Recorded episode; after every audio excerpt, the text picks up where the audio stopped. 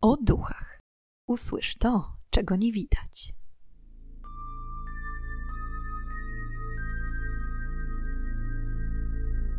Witam i pytam, czego dusza pragnie. Strasznie miło mi gościć Was na moim kanale. Dzisiejszy odcinek będzie nieco muzyczny, a to dlatego, że dzisiejsza historia będzie na temat jednego z największych bluesmenów świata, Roberta Johnsona.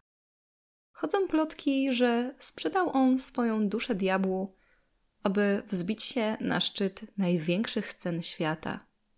Czy to prawda? Jeśli jesteście ciekawi, jaka tajemnica kryje się za tą legendą, to zapraszam Was do wysłuchania dzisiejszej historii. Dokładna data urodzin Roberta Johnsona nie jest znana. Szacuje się, że urodził się 8 maja 1911 roku, ale nigdzie nie jest to udokumentowane. Robert był nieślubnym dzieckiem Julie Major Dodds, córki niewolników i Noah Johnsona. Początkowo Robert mieszkał w Hazlehurst w stanie Mississippi gdzie spędził pierwsze lata swojego życia. Tam Julia Dodds poślubiła zamożnego producenta mebli, Charlesa Doddsa, z którym doczekała się w sumie dziesiątki dzieci. Jednak po niedługim czasie rodzina została zmuszona do zmiany adresu zamieszkania. Powodem był spór Dodsa z białymi mieszkańcami Hazlehurst, wskutek czego prześladujący tłum zmusił rodzinę do przeprowadzki. Sytuacja również przerosła małżonków, przez co postanowili się rozwieść, a sam Robert przeprowadził się do Memphis wraz z Charlesem Doddsem, który, aby odciąć się od przeszłości, zmienił nazwisko swoje i Roberta na Spencer. Robert uczęszczał do szkoły w Memphis – w której po raz pierwszy usłyszał muzykę bluesową. Od razu ten gatunek muzyczny stał się jego fascynacją. Próbował grać na harmonijce i gitarze. Jego styl gry jednak bardzo odbiegał od ówczesnych standardów. Jako ciekawostkę powiem Wam też, że dzięki uczęszczaniu do szkoły Robert nauczył się czytać i pisać co wcale nie było tak często spotykane wśród muzyków bluesowych w tamtych czasach. Dzięki temu więc w dorosłym życiu mocno się wyróżniał. W 1919 roku Robert z powrotem zamieszkał z mamą w Robinsonville w stanie Mississippi, gdzie Julia Dodds po raz drugi wyszła za mąż za Dustiego Willisa. W tamtym czasie Robert zgłębiał tajniki gry na gitarze oraz ćwiczył z jednym ze swoich braci. Wtedy też Robert zaczął pisać swoje pierwsze teksty i śpiewać dzieciakom z okolicy. I choć Robert dogadywał się bardzo dobrze ze swoim ojczymem Charlesem, tak nowy mąż matki nie przypadł mu do gustu. Nie potrafili znaleźć wspólnego języka, a kiedy Dusty oznajmił Robertowi, że oczekuje od niego pomocy i pracy na plantacjach, którymi zarządzał, Robert wściekł się i opuścił dom matki. Co ciekawe, do tej pory Robert nie miał pojęcia o swoim biologicznym ojcu. W szkole oficjalnie widniał pod zmienionym przez Charlesa nazwiskiem Spencer. Kiedy opuszczając dom matki, dowiedział się, że Charles nie jest jego prawdziwym tatą, postanowił po raz kolejny zmienić swoje nazwisko, tym razem na Johnson, po biologicznym ojcu, i nim posługiwać się już do końca życia. Wiele osób, które znały Roberta w dzieciństwie i wieku nastoletnim, wspominało go jako bardzo dobrego harmonijkarza, ale okropnego gitarzystę. Mimo to Robert grał na gitarze niemal bez przerwy. a jego marzeniem było zostać wybitnym muzykiem bluesowym. Po opuszczeniu domu rodzinnego tułał się po świecie, próbując znaleźć swoje miejsce. 17 lutego 1929 roku, kiedy Robert miał 18 lat, poślubił poznaną jakiś czas wcześniej 16-letnią Virginię Travis. Niestety, ich miłość nie przetrwała długo, gdyż już niecały rok później Virginia zmarła przy porodzie, tym samym pozostawiając Roberta samego z dzieckiem.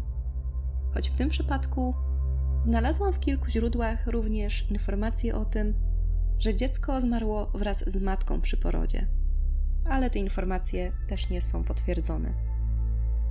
Pogrążony w żałobie Robert jeszcze bardziej zatracał się w muzyce bluesowej. Grał i próbował wybić się na organizowanych w okolicy jam sessions. W Robinsonville, mieście, w którym pozostał koniec końców po opuszczeniu domu matki, małe sklepiki, a nawet prywatne domy wieczorami zamieniały się w miejsca, w których organizowano jam sessions.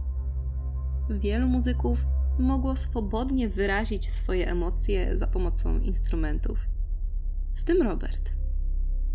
W jednej z jego biografii pod tytułem Robert Johnson Zaginiony i odnaleziony zapisano, że ambicja młodego chłopaka przewyższała jego umiejętności. Robert bardzo chciał się wybić. Miał ku temu sposobność, tym bardziej, że w czasie, w którym pojawiał się na Jam Sessions, swoją trasę koncertową w tej okolicy odbywała wschodząca gwiazda bluesa, Son House.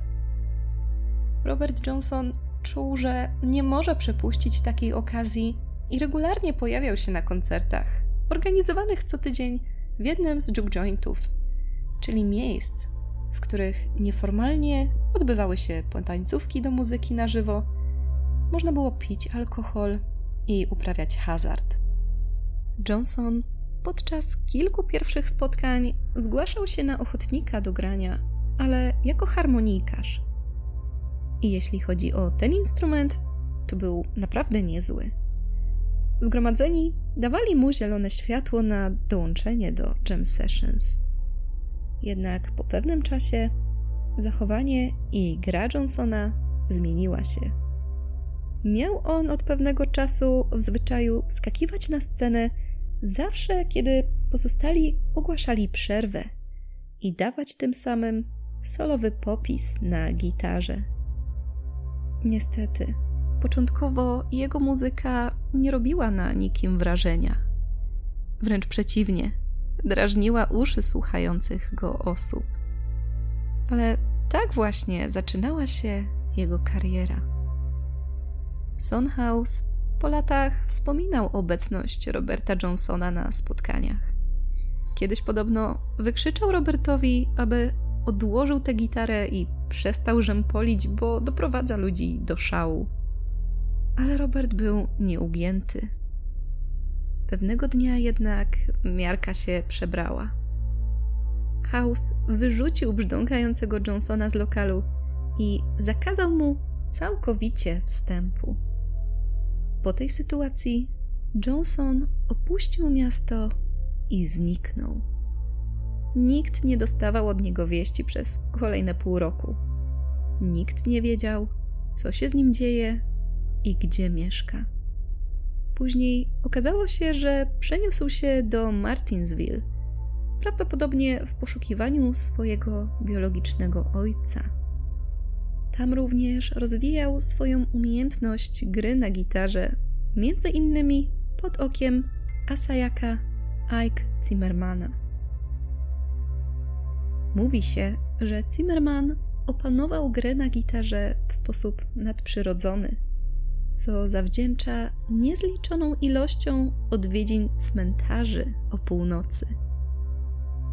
Mieszkając w Martinsville, Johnson w 1931 roku ponownie się ożenił, tym razem z Kalą de Craft.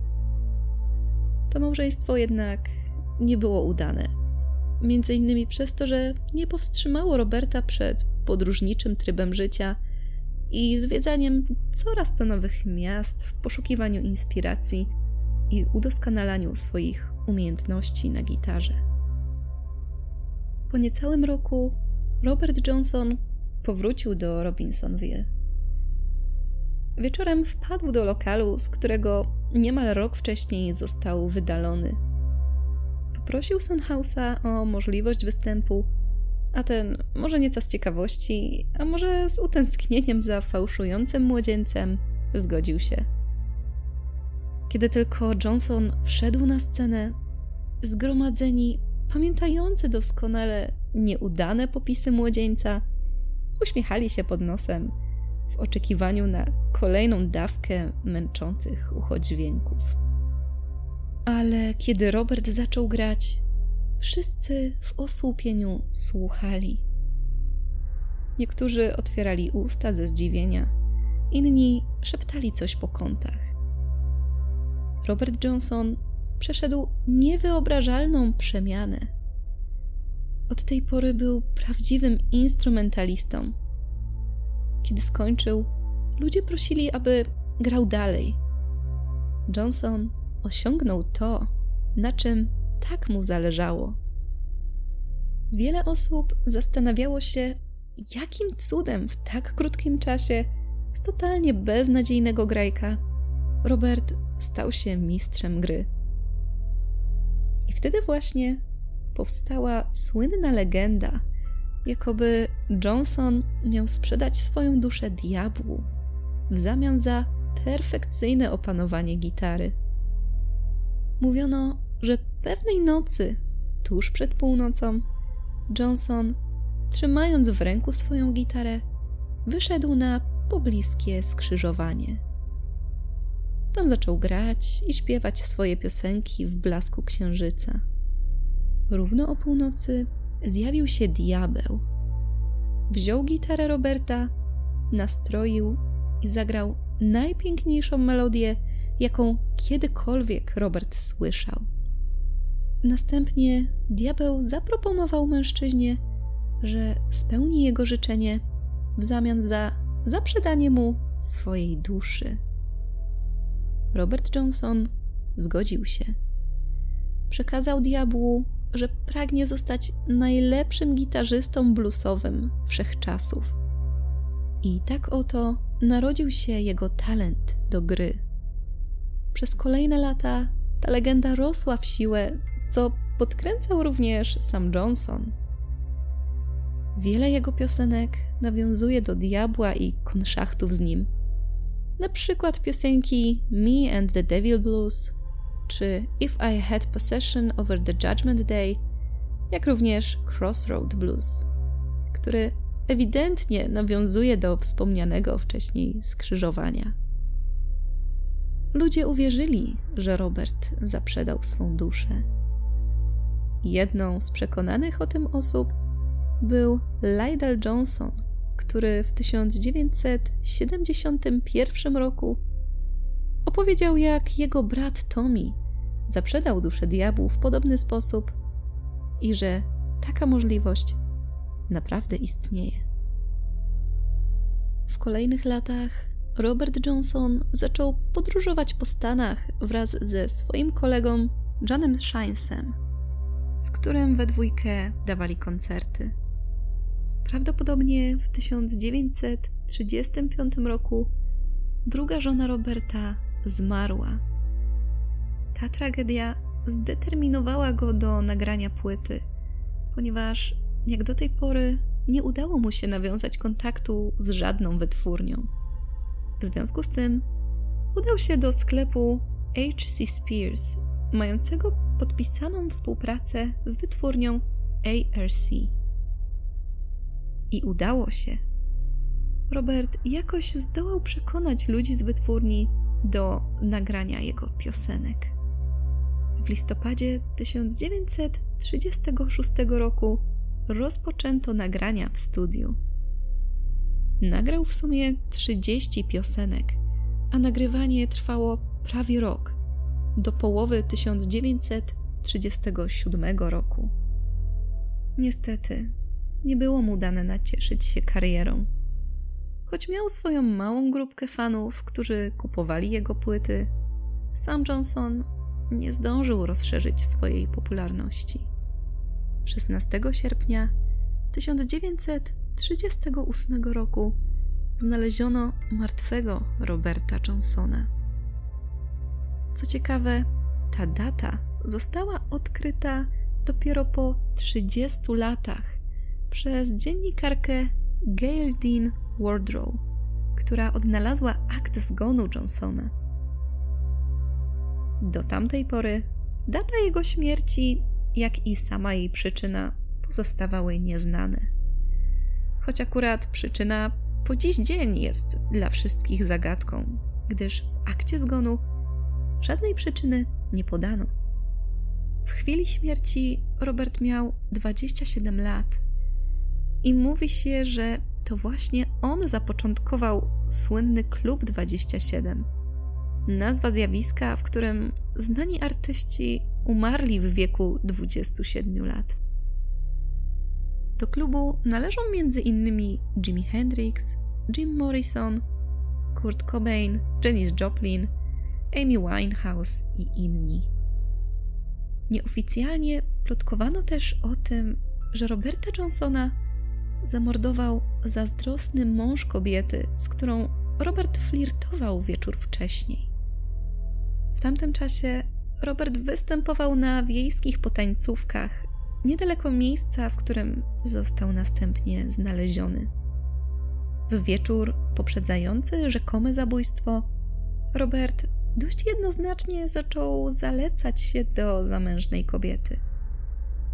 Kiedy owy mąż zorientował się, że muzyk próbuje flirtować z jego żoną, postawił i próbował poczęstować go drinkiem. Robert już miał się napić, kiedy jego współtowarzysz Williamson wyrwał mu napitek z ręki, mówiąc, że przyjmowanie napojów od nieznajomych jest skrajnie nieodpowiedzialne. Robert wściekł się jednak i poprosił męża kobiety o kolejnego drinka. Ten postawił mu ponownie i tym razem Robert go wypił. Następnego dnia znaleziono go martwego.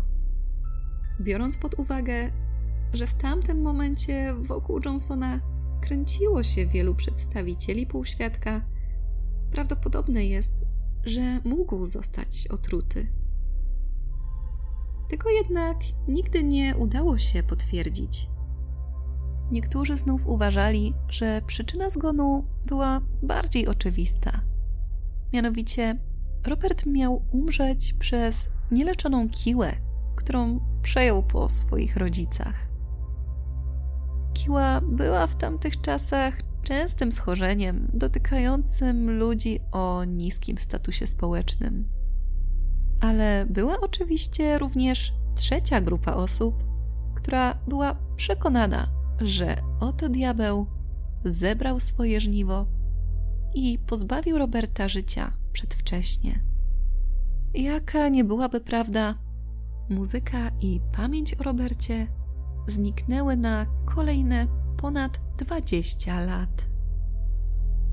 Dopiero w 1961 roku, kiedy Columbia Record wydało album King of the Delta Blues Singers, na którym znalazły się utwory Johnsona, świat przypomniał sobie, a może nawet dopiero poznał geniusz tego nieżyjącego już muzyka.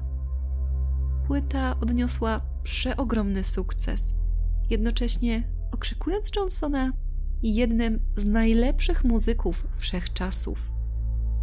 Choć pośmiertnie, to Robert Johnson uzyskał status legendy bluesa i stał się rozpoznawalny na całym świecie, czego tak bardzo pragnął. Po śmierci został wielokrotnie nagrodzony. Między innymi otrzymał nagrodę Grammy w 1990 roku za najlepszy album historyczny, a w 1998 roku jego piosenki zagościły w Grammy Hall of Fame. Jego życie i twórczość wpłynęła na wielu innych znanych muzyków, między innymi Mika Jaggera, Erika Claptona czy Boba Dylana. Niejednokrotnie przyznawali oni, że ich inspiracją była między innymi muzyka Roberta Johnsona. Całe życie Roberta Johnsona jest owiane tajemnicą. Większość 27 lat, jakie przyszło mu przeżyć, spędził w skrajnym ubóstwie, tułając się od miasta do miasta. Pytanie więc, czy faktycznie sprzedał duszę diabłu? Jeśli nie, to w takim razie, gdzie nauczył się tak dobrze grać? I są to wszystkie informacje, jakie na dzisiaj dla Was przygotowałam. Jeśli macie jakieś swoje przemyślenia na temat tej historii, podzielcie się nimi w komentarzach. Dziękuję Wam za dziś i już teraz zapraszam Was na kolejny odcinek podcastu o duchach, tym razem z sobotniej serii magicznej, w której na Waszą prośbę opowiem Wam nieco na temat kryształów, konkretnie kwarcu. Życzę Wam udanego tygodnia i do usłyszenia już za tydzień.